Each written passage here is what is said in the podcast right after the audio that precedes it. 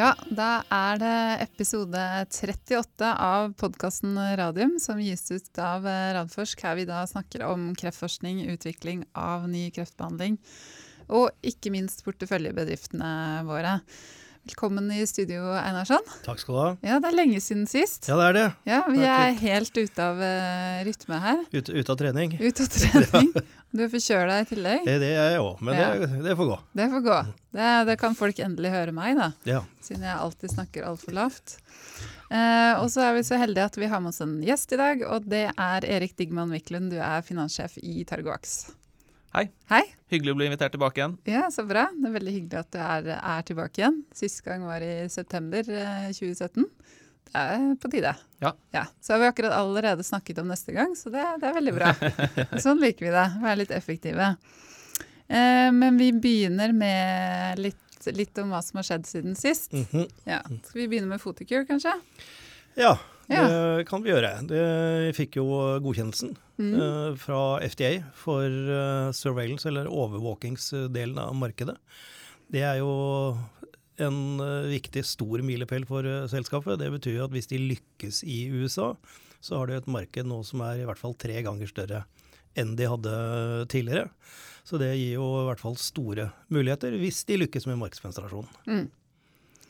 Så det får vi følge med på. Men. Vi burde kanskje hatt eh, Kjetil her tilbake i studio snart også. Det er også veldig lenge siden. Ja, det, Ja. det har skjedd mye, mye med Fotokur og Mhm. med Hexix Issue siden den gangen. Og de kom jo da også med årsrapporten sin og fjerde kvartal i dag. Mm.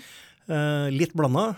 Uh, Altfor tidlig å forvente at det skulle være noe sånn voldsom økning. Den eh, eh, reimbursementen, eller eh, refusjonen, som de fikk, den uh, tikka jo inn fra 1.1., altså etter disse resultatene.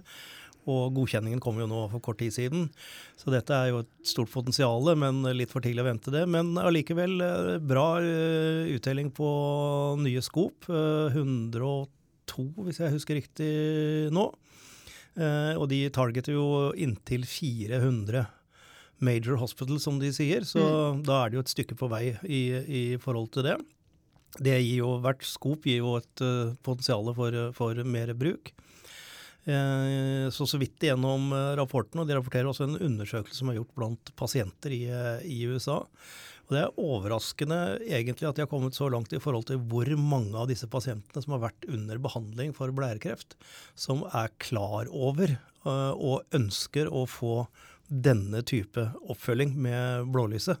Mm. Og at de faktisk søker seg til klinikker Ja, som så de har faktisk, altså Pasientene har allerede skjønt at Ja. her er det en mulighet ja, som er bedre enn en det Ja, som og er nå er vi i, i USA, Ja, og da er det markedsføring i form av pasientorganisasjoner, Ja. i form av attention i media, i form av at sykehusene fremhever det som en, en fordel for å tiltrekke seg pasienter. Så dette er jo et helt Et annet måte enn en det vi gjør her i Norge og i Europa, der vi jo kun går igjennom Vi får jo ikke lov til å Nei. snakke med pasienter eller reklamere til pasienter, vi går kun gjennom legene. Mm. Så det er en helt ny verden i forhold til det. Men det kan se ut som de kan være i ferd med å knekke en eh, kode der.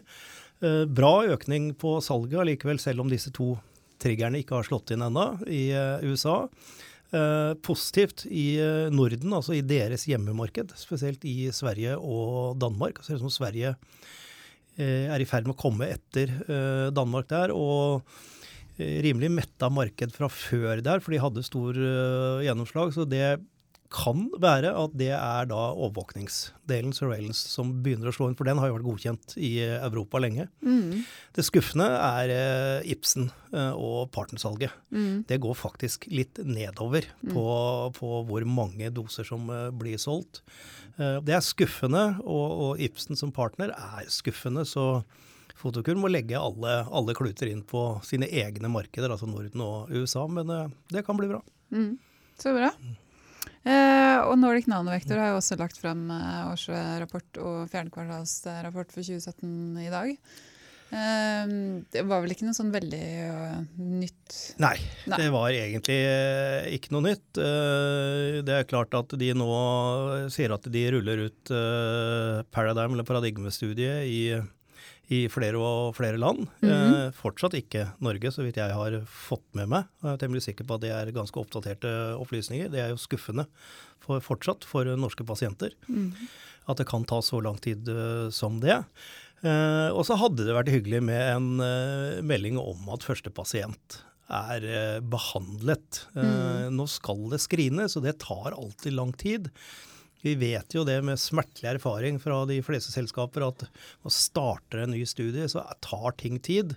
Til å begynne med. På den annen side er dette en utvidelse av en eksisterende studie, selv om det er nå valgt i doseringen og sånn. Så, så det håper jeg jo at vi, at vi får melding om. Og ellers så tror jeg de gjør en god jobb. eh, Og jeg tror eh, de nok har interesse både her og der. Og da vet vi fra Algeta-tiden at vi hadde jo en lang, lang tid der med dalende aksjekurser og ingen nyheter før Bayer-avtalen kom. Så hvem vet? Dette Ja. er, dette er biotek. Ja. det er liksom den som lever får se, og det er liksom vinn og forsvinn. Ja. Eller ja, i det hele tatt liv og død, ikke minst. Ehm, men da må vi jo snakke med deg, Erik, om, om Targovax. Og dere også har jo lagt frem eh, årsresultater og fjerdekvartalsresultater. Men, men for eventuelt uh, nye lyttere, for, uh, for en som aldri har hørt om Targovax, hva, hva er Targovax? Targovax er et uh, norsk biotekselskap som utvikler immunoterapier, immunonkologi-medisiner for behandling av forskjellige typer kreft. Selskapet ble startet i 2010 med støtte fra Jonas her og, Radforsk. Og nå i løpet av de åtte årene som har gått, så har vi blitt til et selskap med 28 ansatte. Kontor i Oslo, kontor i Helsinki, seks pågående kliniske studier. Og vi er på Oslo Børs på, på hovedlisten. Så det har gått, eh, det har Gått fort. gått fort på, på åtte år, ja. Ja, Ja. Kjempespennende. Eh, de kliniske programmene, det er jo det som er mest spennende å snakke om. Eh, Ja. Årsresultatene, vil du kommentere noe på det, eller skal vi bare gå rett på det, på det kliniske? Ja, det er klart at når man er et, eh, et biotekselskap i utvikling, så har man kostnader. Og man har kliniske aktiviteter, så man forsøker å komme seg til milepæler hvor man kan finansiere selskapet videre. Mm. Så det er jo ikke så veldig spennende med salgsinntekter og sånt noe, som det kanskje er for litt andre selskaper. Men hvis vi skal kommentere noe fra 2017, så er det vel at vi, vi hadde en suksessfull eh, kapitalinnhenting i juni hvor vi hentet 200 millioner. Og vi brukte nok litt mindre penger enn forventet. Vi brukte ca. 110 millioner i 2017. Mm. Og nå har vi 262 millioner på konto per 1. januar. Mm. Så det betyr at vi er, har trygg finansiering eh, da et par år fremover i tid, i hvert fall gått inn i andre halvdel av 2019 og kan konsentrere oss om de kliniske studiene vi kjører, og, og levere de datapunktene vi har kommunisert at vi vil levere. Mm. Så bra. Det er en god, eh, god situasjon å være i. Ja da, det er det. Absolutt. Spesielt når du er fin finansjefen. Ja, det er, det er bra å, å ha Da buffer sover du på. godt sover på godt på. natta. Ja. Så bra. Men da litt, eh, litt om det kliniske. Ja, vi hadde viktige fremskritt på begge programmene våre i fjor. TG, vår vaksine som, eh, som angriper mutert rass. Så fikk vi resultater fra vårt TG01-studie i operert bukspyttkjertelkreft, resected pancreatic cancer. Og det var nok de kanskje de aller viktigste dataene i, fra 2017 som viste en lovende effekt i den første gruppen av pasienter, som er en effekt som er betydelig bedre enn hva noen har vist tidligere i denne sykdommen. Så, så det er jo veldig spennende og veldig lovende for oss. Basert på de dataene så har vi nå bestemt oss for å gå videre med det programmet og planlegger neste studie, som blir et fase to-studie med en randomisert eh, design, så vi får en kontrollgruppe inkludert også. Mm. På det andre programmet vårt, Onkos 102, et onkolytisk virus som vi har for øyeblikket tester i fire forskjellige eh, kliniske, eh, kliniske studier, så var det det viktige som skjedde der, at vi fikk i gang to kombinasjonsstudier. Et med, vi kombinerer med kjemoterapi og mesoteliom, i mesoteliom, en type lungekreft. Og det andre et eh, studie i melanom hvor vi kombinerer med checkpoint inhibitor. Dette er første gangen som vi kombinerer onkos med andre former for medisinering. Og det er jo det vi tror på. Det er kjernen her. Det er kombinasjonsterapier som er fremtiden. Mm. I de tidligere studiene vi har gjort, så har vi bare gjort monoterapistudier, altså kun onko. Så det, det er der man må begynne for å, for å få Sikkerhet, bivirkninger Nettopp. nettopp. Ja. Så den viktige milepælen her nå er at vi er i gang med melanom- og mesoteliomstudiet. Vi har passert første sikkerhetssjekken. Safety cohorten er OK. Det var ingen concerns. Eh, advisory, boards, ja, advisory mm. Board var fornøyde og har anbefalt at studiene kjører videre. Så nå går vi inn i en fase hvor både vi forventer at rekrutteringen kommer til å gå opp, og vi begynner å se kliniske data. Så 2018 blir et spennende år mm. på Onkos-programmet hvor vi får de første effektdataene mm. i disse kombinasjonsstudiene. På den uh, melanomstudien der er det vel uh, lov å si at det som er spennende der, er å se om vi kan reprodusere i mennesket det dere så på denne litt spennende musemodellen uh, som dere laget. Nettopp. Med, med, med Kate Ruda, hvor dere hadde en mus som, hvis jeg forsto det riktig, ikke hadde noe aktivt immunsystem i utgangspunktet. Sånn at når dere ga Kate Ruda, så virket det ikke. Og det er det samme dere skal gjøre med pasientene nå i USA. Det er på de som Kate Ruda ikke virker på. Og så gi Onkos, og så igjen gi Kate Ruda. Er det riktig? Ja, Tanken er at vi tar pasienter som enten har sluttet å respondere eller aldri responderte på checkpoint inhibitors. Det kan være hvilken som helst checkpoint inhibitor. Mm. Antageligvis har de fått flere, disse pasientene. Og så gir vi dem tre injeksjoner med vårt virus i løpet av en uke. Så venter vi to uker, for da er tanken at immunsystemet blir aktivert. Ja. De kalde tumorene blir varme. Det er det som er målet. At man begynner å få T-celler som infiltrerer inn i svulsten. Og eh, tanken er da at de kan begynne å respondere på checkpoint inhibitor igjen. Så da putter vi de tilbake igjen og behandler de med, med Keytruda. Og hvis det Keytruda da har en effekt, så antar man jo da at grunnen til at det nå virker, er fordi at man, man har behandlet med viruset. Så, ja. så det, det, er denne her tanken om immune priming, som vi kaller det. At du primer tumoren til å kunne respondere på annen behandling. Og det er derfor det er så viktig å gjøre disse kombinasjonsstudiene. Mm. Er det en grunn til at dere valgte Keytruda?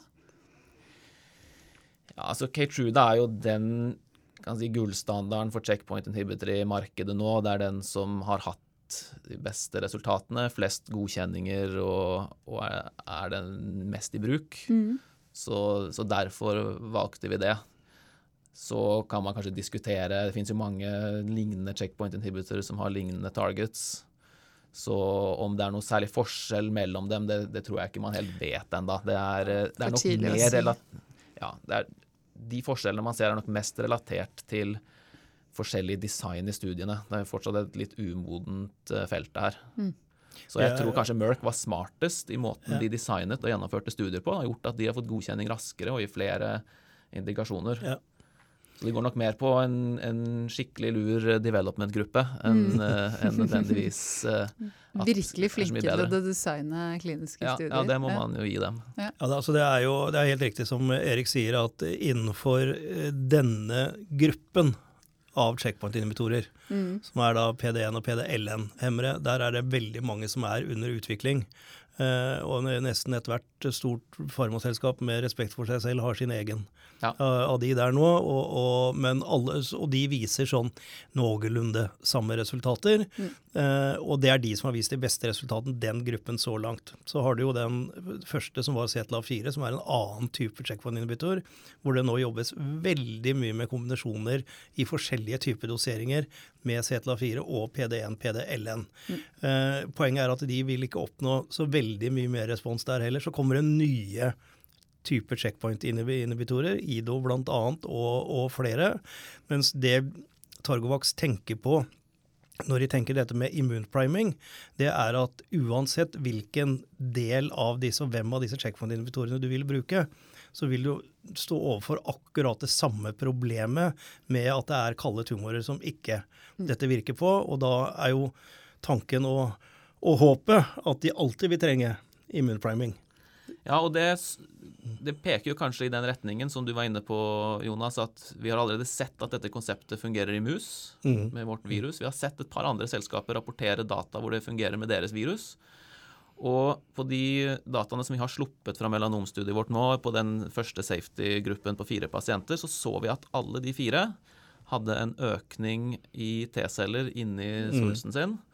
Og PD1-uttrykket som, som du var inne på, eh, Jonas, gikk opp, som indikerer at det vil kunne respondere på en checkpoint inhibitor. Så vi har ikke enda sett effektene, men, men alt tyder på at pasienten har blitt primet, og alt ligger til rette. Nå ligger ballen på straffemerket, og er det alt lagt til rette for at checkpoint inhibitoren kan funke. Ja. Så det blir jo veldig spennende nå da, å følge disse pasientene her, og, og se om, om de får en klinisk effekt også, som vi forventer. Og de dataene regner vi med at eh, vi vil kunne slippe en gang i andre halvår i år på de, de første pasientene. Så bra. Da, da kommer du, du og eh, din kollega på det medisinske tilbake. Det håper vi på. det. Ja. Så kan jeg også Eh, si der at vi har jo, det har vært eh, tatt litt tid med rekruttering av pasienter, så, så studiet har vært noe forsinket i oppstarten. og Som Jonas sa, det tar tid å komme i gang med studier. mm, Men nå, nå starter vi opp et par nye sykehus i USA som også skal ha inn pasienter. Og de vil gjerne synes dette er veldig spennende pga. at vi jobber med Jed Woolchocks gruppe, som er den, eh, er den største key opinion-lederen i verden egentlig på immunonkologi. Mm. Og også på, basert på de dataene vi har sett så langt. Så vi har en delegasjon over i USA denne uka for å starte opp et sykehus eh, til. Kommer det på et tredje etter hvert. Mm. Så da får, vi, da får vi tre sykehus som tar inn pasienter, og da, da håper vi at det blir eh, litt eh, ordentlig fart på rekrutteringen. Mm. Så, men vi planlegger fortsatt å ha en readout her i løpet av andre halvår, og så regner vi med at studiet er fullført eh, i første halvår 19. Men det her var på, på Onkos-delen. Eh, Ja. På peptidvaksiner, er det noen resultater å forvente seg i 2018? Ja, Eller vil det ta lengre tid? Det vi venter aller mest på der, er ferdigstillelsen av TG01-studiet i bukspyttkjertelkreft. Det er det studiet som vi rapporterte to års overlevelse på i, fjor, på den første gruppen pasienter. Nå er den andre gruppen pasienter, nærmer de seg toårspunktet for den siste pasienten der.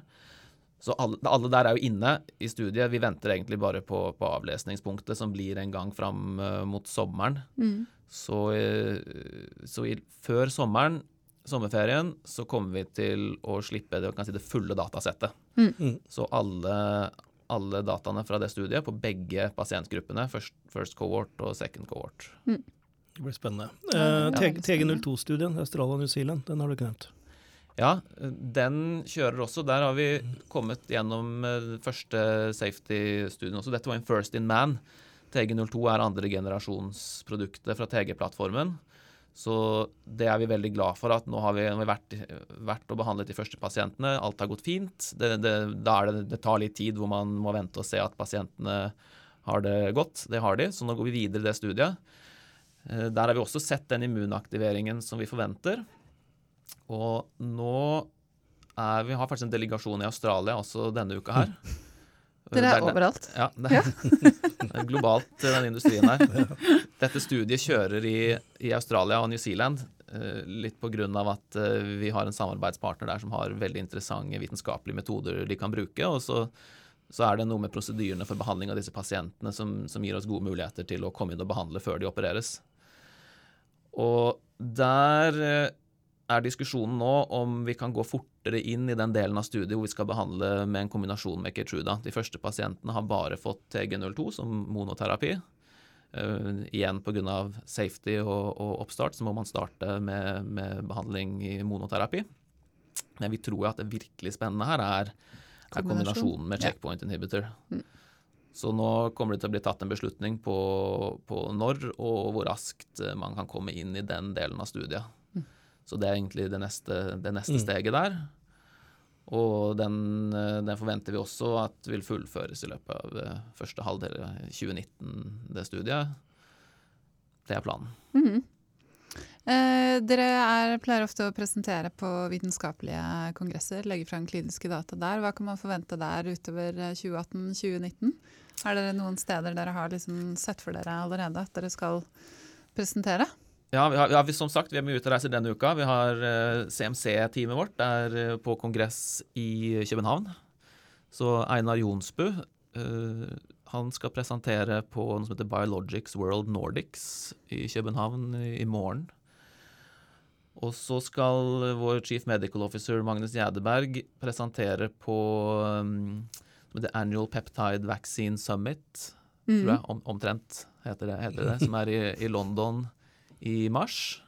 Men det kommer ikke nye kliniske data på noen av de to. Det blir nok Nei, den, ikke nå i København denne uka, så, så får Ikke vi i jo se. morgen. Nei, vi, vi kommer nok ikke nye kliniske data på de to. De, de, hvis vi skal snakke om kliniske data, så dessverre så kommer da TG01-dataene våre ikke før ut i, i mai. Mm. Så da rekker vi ikke å sende de til ASKO. ASKO deadline for abstrakter har vært allerede. Ja. Så de forventer vi, og planen er å sende det til presentasjon på ESMO, som er den europeiske varianten av, eh, av ASKO. Så den er i Den er vel i september. september. Midten av september en gang. Ja. Så der forventer vi å presentere de nye TG01-dataene. Når det kommer til eh, data på Onkos, så, så det er jo sluttdata på TG01, så det er litt sånn åpenbart at man sender inn det på, på Onkos. Så, så ser man litt an hva som kommer ut, og finner passende kongresser og publiserer det på. Mm. Musedataene annet kommer vi til å, Ja. til å sikte inn på en passende konferanse når vi får litt mer kjøtt på beinet der. Mm. I tillegg så skal vi jo selvfølgelig på ASKO. Vi sender en delegasjon dit i, i Chicago, men vi, vi presenterer ikke noen poster der, sånn som vi gjorde i fjor. Satser på det igjen i 2018. Mm. Vi har jo som vanlig fått veldig mange spørsmål fra, fra lytterne våre, um, og, det, og det takker vi for. Um, vi har fått såpass mange, så vi, vi, vi må jo velge litt. Grann. Vi kan ikke stille alle, i så fall så hadde ikke du fått gjort uh, jobben din i det hele tatt. Da kunne vi sittet her et døgn og svart på spørsmål. Men uh, det er noen av de som går igjen, og det, er, f- det kan jeg ta det første på.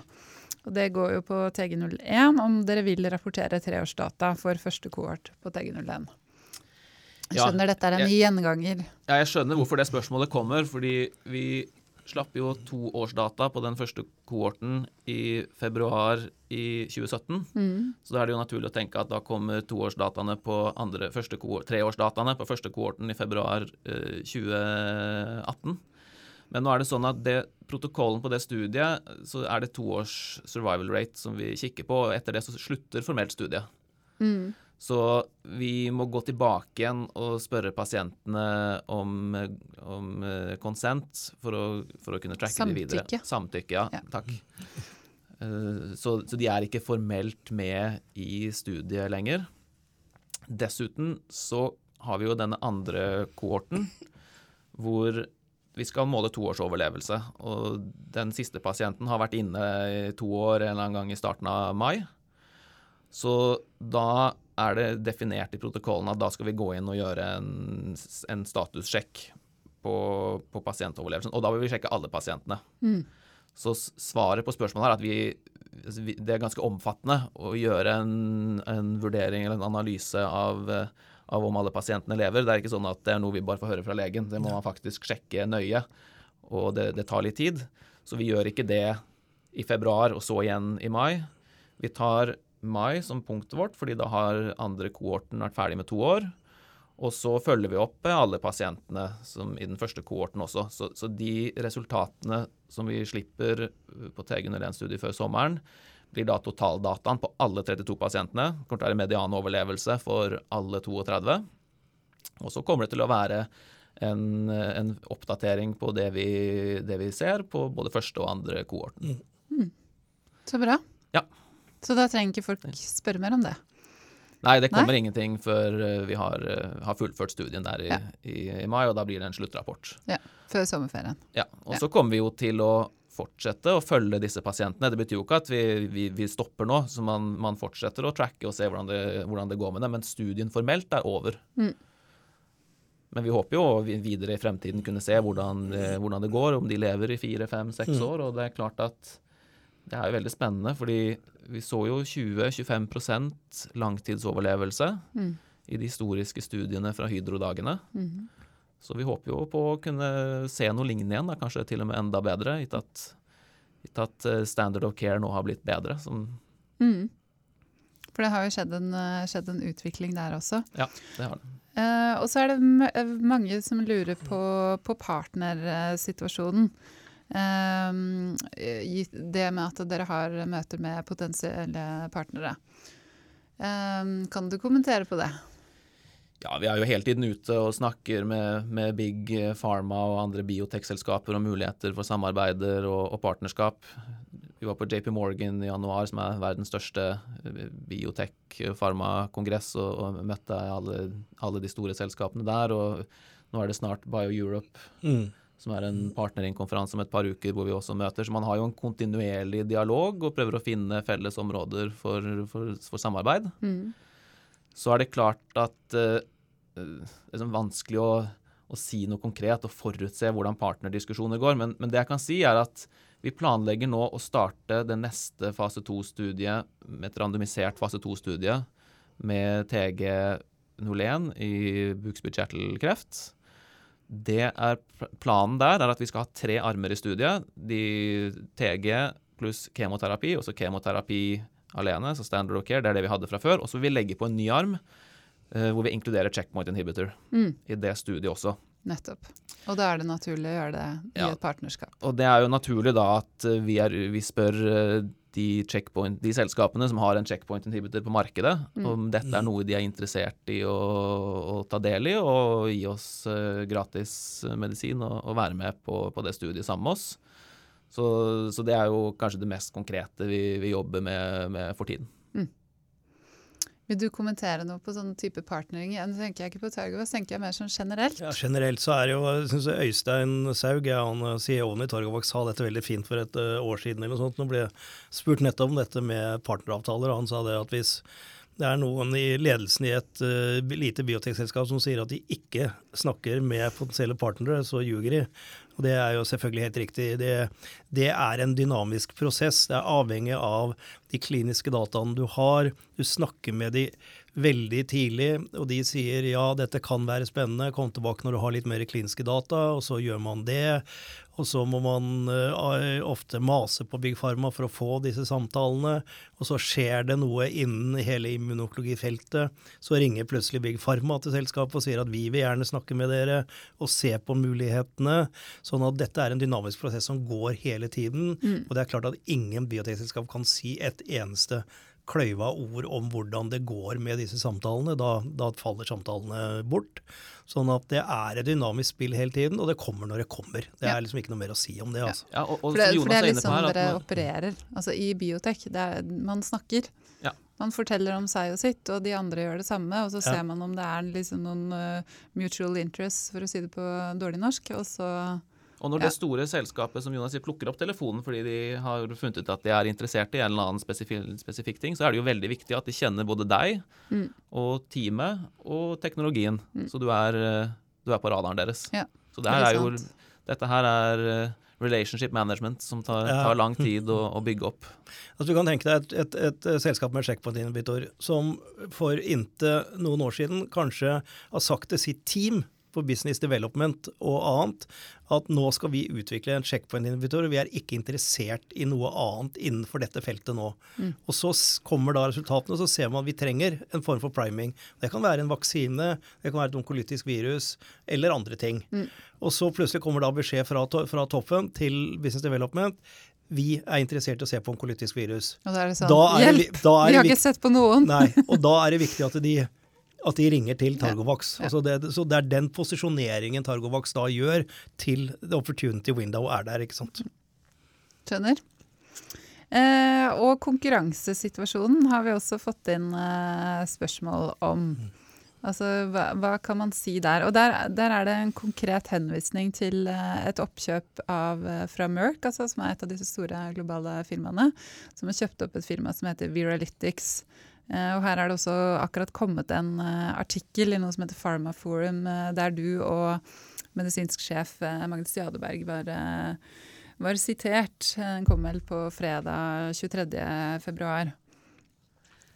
Ja, jeg kan aller først si at akkurat den artikkelen i Farmaforum så gikk det nok litt kjapt for, for, journalisten, så det var ikke alt som var like presist i, i måten det var formulert på. Men, men nyheten, er jo, nyheten, er jo, veldig viktig. Det er jo, dette er jo superinteressant.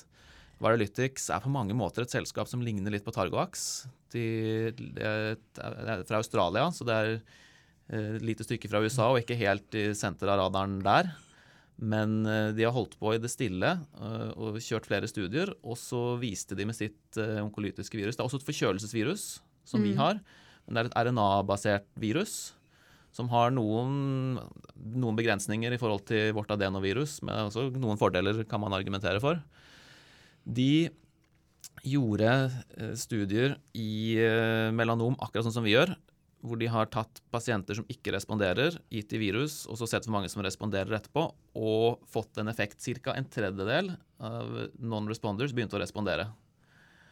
Og de dataene har jo blitt eh, lagt merke til. Mm. Jeg tror de slapp disse dataene i mai i fjor. Mm. Og det var første gangen man så dette bevist klinisk. Mm. Ingen hadde vist akkurat Konseptet er kjent. Mange har sett for seg at sånn vil det funke. Priming vil kunne gjøre at checkpoint-inhibitere virker, men nå var det noen som faktisk fikk det til og viste det i klinikk. Mm. Eh, Siden da har også Amgen vist det med sitt onkolytiske virus eh, Imlygic, eller Tivex, noe som er kjent som, som allerede er på markedet som en eh, monoterapi. Så de to har nå vist at det går an, konseptuelt, å få refraktære pasienter til å begynne å respondere. Vi er nummer tre Mm. i køen her. Mm. Så når vi slipper data i vårt melanomstudie, og forhåpentligvis så får vi også gode data, så, så er vi de tredje som viser dette. Nå finnes det massevis av virus eh, som er i utvikling, men ingen andre har kommet så langt. Det er vel en 10-15 andre virus fra biotek- og farmaselskaper som ligger litt eh, bak oss i løypa. Men vi blir da nummer tre som viser dette. Det man kan si om konkurransesituasjonen, er at Varalytics har jo nå blitt kjøpt av Merck, og Amgen eier det andre. Så vi er vel da det eneste independent, selvstendige biotech-selskapet uh, som ikke har funnet oss en, eh, en partner ennå Mm. med den type data. Så det blir jo interessant å se hvordan den dynamikken blir. Mm. Men uh, vi ser på dette som en kjempeviktig validering på feltet. Mm. At Merck, som jo er de som har Keytruda på markedet, det er jo det ledende selskapet i verden, uten tvil, Mm. innen immunonkologi. Og at de gjør et sånt eh, bet på, på onkolytiske virus, eh, sender et eh, signal at dette her er noe som, som man tror på. Mm. Så får vi se hva, hva andre tenker nå fremover. Men det Mm. er klart, vi, vi ser på det som positivt og veldig spennende. Mm. Man kan jo si at det er en slags nesten en konkurrent som er tatt bort for oss, da. Ja da. og det- Ja, rett og slett. Ja. Egentlig så er det vel litt sånn at nå da kan dere litt sånn velge og vrake. Ja, vi får nå se. Vi får se. Vi får se. strategiske Ikke ikke nå, vær for, nå ser gutta veldig rart på meg. for Kan ikke velge å vrake. ikke være for eplekjekke her. Men, men det, er jo, det er jo veldig riktig som, som eh, Erik Jeg tenkte sånn strategisk. Ja da, strategisk er, Ja. så er det helt riktig. Fordi at Uh, Amgen uh, først med, med, med sitt, uh, som kanskje ikke har de aller beste dataene, men, men allikevel viste at konseptet eh, kan fungere, selv om de kjørte i, i monoterapi.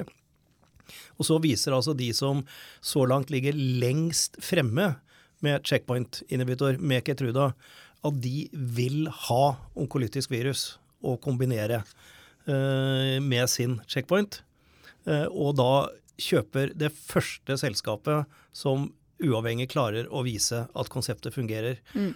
Det betyr jo i mine øyne og i min naivitet at det andre store og tredje og fjerde og femte store big pharma-selskap som har sin checkpoint-inhibitor At hvis de skal er konkurrere med Merck, med Keytruda pluss Viralytics-viruset, må ha sitt eget virus. Mm. Håper jeg.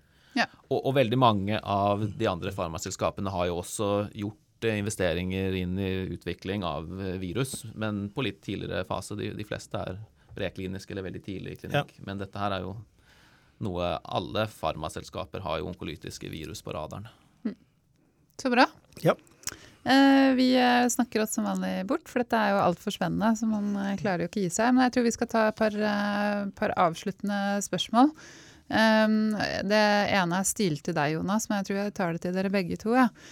Hvorfor skal Targovax ha kontrollarm i sin avsluttende fase 2 TG01-studie, mens Nordic Nanovektor ikke har det i paradigme? Godt spørsmål. Det er å spørre de regulatoriske myndigheter. Ja. Altså det, er de, det er de som bestemmer Ja. uh, hva som eh, skal gjøres. Det, det vanlige er jo uh, at du tar det opp mot standard of care. Og det er en standard of care i operert bukspyttkjertel, selv om det ikke er en godkjent indikasjon. Eh, mens i, eh, hvis jeg nå husker helt riktig, tror jeg gjør, i folikulært lymfom, som Nordic Nanovektor gjør, så gjør jo de det på pasienter som er resistent mot all annen behandling. Så der ville kontrollarmen vært å ikke gjøre noe, og så vet du at det er en dødelig sykdom. Og da er det uetisk å kjøre med en kontrollarm når det ikke fins annen type behandling. Mens her skal vi vise at vi er bedre enn standard of care, og da må vi sammenligne med standard of care. Er det sånn noenlunde riktig, Erik? Ja, jeg, nei, jeg er veldig enig. og Det er en viktig differensiering du sier der. At, eh, at dette her er jo uetisk, rett og slett. Hvis man har noe man har indikasjon på at kan fungere, og det ikke finnes noe alternativ, så må man jo gjøre det på den måten. Mm. Så bra. Uh, og da blir det siste spørsmålet om uh, altså hva er bakgrunnen for, at, uh, for å ta, ta opp TG-plattformen fra Norsk Hydro? Var det basert på noe mer enn at fire av 20 pasienter overlevde ti år? Det er vel egentlig du, Einarsson, Ja, som er jo. eh, skylda til Det dette? er jeg som har skylda, skylda for det. Det skyldtes et uh, vedvarende mas fra Jon Avn Eriksen og Gustav Gaudernak med, med at dette kom til å virke. Husk på at vi startet det første selskapet her eh, i 2002, hvis jeg husker riktig. Da var immunonkologi egentlig ikke hot i det hele tatt. Eh, og da hadde vi egentlig to forskjellige typer eh, vaksiner inni det selskapet. Vi utviklet, hadde bare mulighet til å utvikle den ene, og RAS ble liggende som et patent i dette selskapet, som fulgte det videre og videre. Som til slutt endte nede i Sør-Korea, uh, i et selskap som heter Kael Gemax. Ja. Men der lå jo det, de patentene døde. Uh, og så kom denne studien Mm. med disse langtidsoverleverne, som vi brukte et halvt år minst, om ikke lenger, på å dissekere fram og tilbake for å finne ut at det ikke var tilfeldig. At vi i hvert fall ikke trodde det var tilfeldig at disse pasientene levde lenger. Og så begynte det å komme mer og mer interesse for feltet, og så så vi at vi kan kanskje tenke, begynne å tenke kombinasjonsbehandling i fremtiden. Og det var årsaken til at vi tok eh, den, eh, den opp igjen. Og derfor hadde, har TG01 De patentene går ut neste år, gjør de det, Erik?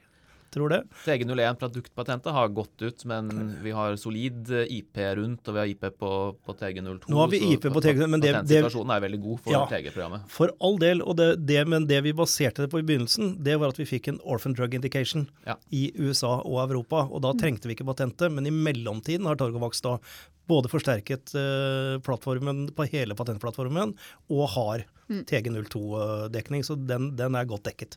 Og, for å legge til det Magnus sa, det, det man, den hellige gralen i immunterapi er at man ser den der tykke halen, som man kaller det. Det er flere pasienter som overlever langsiktig. Og det får man ikke med kemoterapi. Der, der er langtidsoverlevelsen lav, men man lever kanskje litt lenger enn forventet. Men nå ser man noen pasienter som ser ut som de blir kurert. Ja. Og tilbake på 90-tallet så hadde man ikke kommet så langt i studiet at man hadde sett at det var en, en, En en, sånn tykk hale på ja. nettopp. Mm. Men i 2010 så er det klart at da hadde jo de første Yervoy eller Ipilimumab-dataene kommet. Da hadde man jo sett en sånn immunterapikurve. Og så antar jeg dere så da at wow, dette her ser jo ut som dette ser jo ut som Ipilimab-kurven? Nei, vi fikk det Dette en faktisk i. Nei, vi fikk det faktisk disse Denne artikkelen husker ikke jeg om det var før det, det var i 2007 eller 2008. Artikkelen kom med denne rare kurven. Ja. Og vi ante ikke hva den kurven var for noe.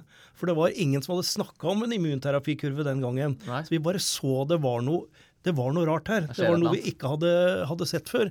Så det var egentlig litt sånn mageavfølelse og hunch når vi gikk i gang med dette, men så har det vist seg at det, det var noe. Ja, men det er jo det Gustav Gaudnak og, og co. har vært. ikke sant? De har jo vært forut for sin tid i dette her hele tiden. Og nå begynner det virkelig å vise at det de har trodd, det virker. Det er interessant, så var jeg faktisk Jeg var på en kongress i desember i, i USA om vaksiner. Og der var det en som snakket om eh, denne type vaksiner mot, mot uh, muterte onkogener.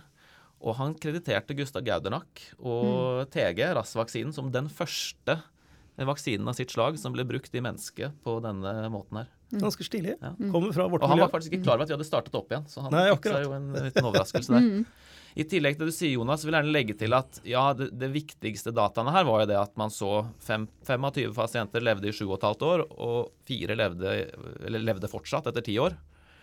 Men i tillegg så hadde man jo behandlet mer enn 200 pasienter på 90-tallet. Så det har gjort en stor analyse og øh, gjennomgang Ja, av alle ja. disse pasientene. Så vi hadde lovende data fra metastatisk uh, bukspyttkjertelkreft også, som er veldig avansert. Pasientene dør fort. Men, men der òg. De pasientene som hadde en immunrespons mot RAS etter vaksinering, levde, hadde en medianoverlevelse på 150 dager versus 50 dager for de som ikke hadde en immunrespons. Så Det tyder på at her er det en Immunresponsen er der, og den er, betyr noe klinisk. Men det er klart pasientene var- alle var døde i løpet av et år allikevel fordi de er, de er så veldig syke. Eh, I tillegg så hadde man fra, fra denne pasientgruppen med avansert eh, kreft tatt ut tumormateriale og gjort diverse eksperimenter på det i laboratoriet. Og man har bevist at man kunne dra ut, altså finne RAS-spesifikke T-celler i pasientene, både i blod i sirkulering og i svulsten, som er eh, bevis for at mekanismen virker.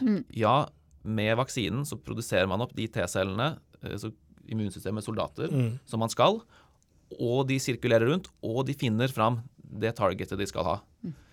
Og I tillegg så kunne man i laben reprodusere at disse cellene dreper de kreftcellene de skal. Så man, man gjorde eksperimenter eh, in vitro, som det heter, med både pasientens egne kreftceller og andre kreftceller, hvor man viste at ja, vi finner T-cellene, og ja, de er aktive og dreper kreftcellene.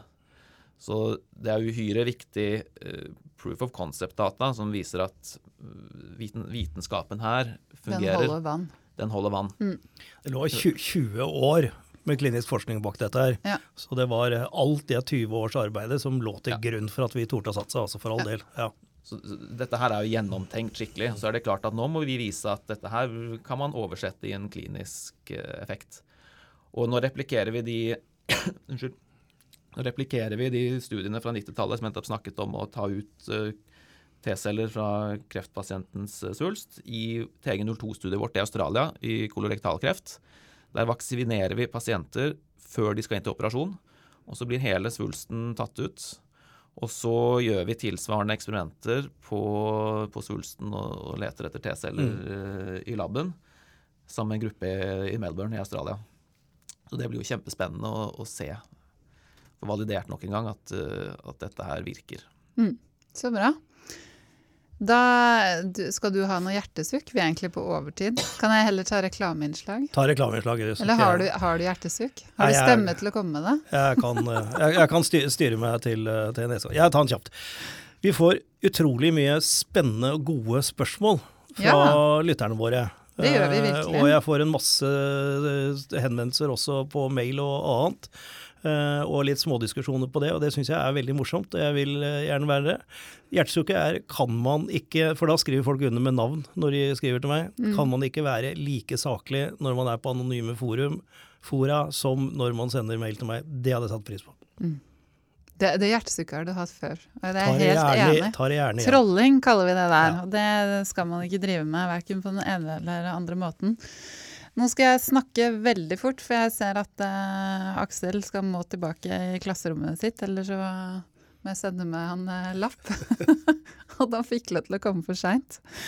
Uh, vi skal jo da ha to live-podkaster i mars. Gjerne, gjerne, gjerne oss. Eh, men det betyr at folk må komme, ellers er det ikke noe vits å ha live-podkaster. Eh, dette gjør vi jo i samarbeid med Kreftforeningen. Eh, den første er 16. mars eh, med en investeringsspesial. Og det, det jeg hører fra Kreftforeningen, er at det er over eh, 1200 folk som har vært inne og kikka på lenken, men det er ikke så mange som har meldt seg på. Så hvis dere er interessert i, i å holde på å si, se, se oss live, så må dere melde dere på også. Eh, og det andre livepodkasten vi skal ha, er 21. mars, der vi da også får jeg vil tørre påstå to av Norges fremste forskere, Erik Fosse og Håvard Danielsen, som skal Mm. snakke om persontilpassa kreftmedisin, og hva de jobber med der innenfor forskning, og altså mer også hvordan vi kan få dette her implementert og ut til pasientene. Sånn, takk for oss.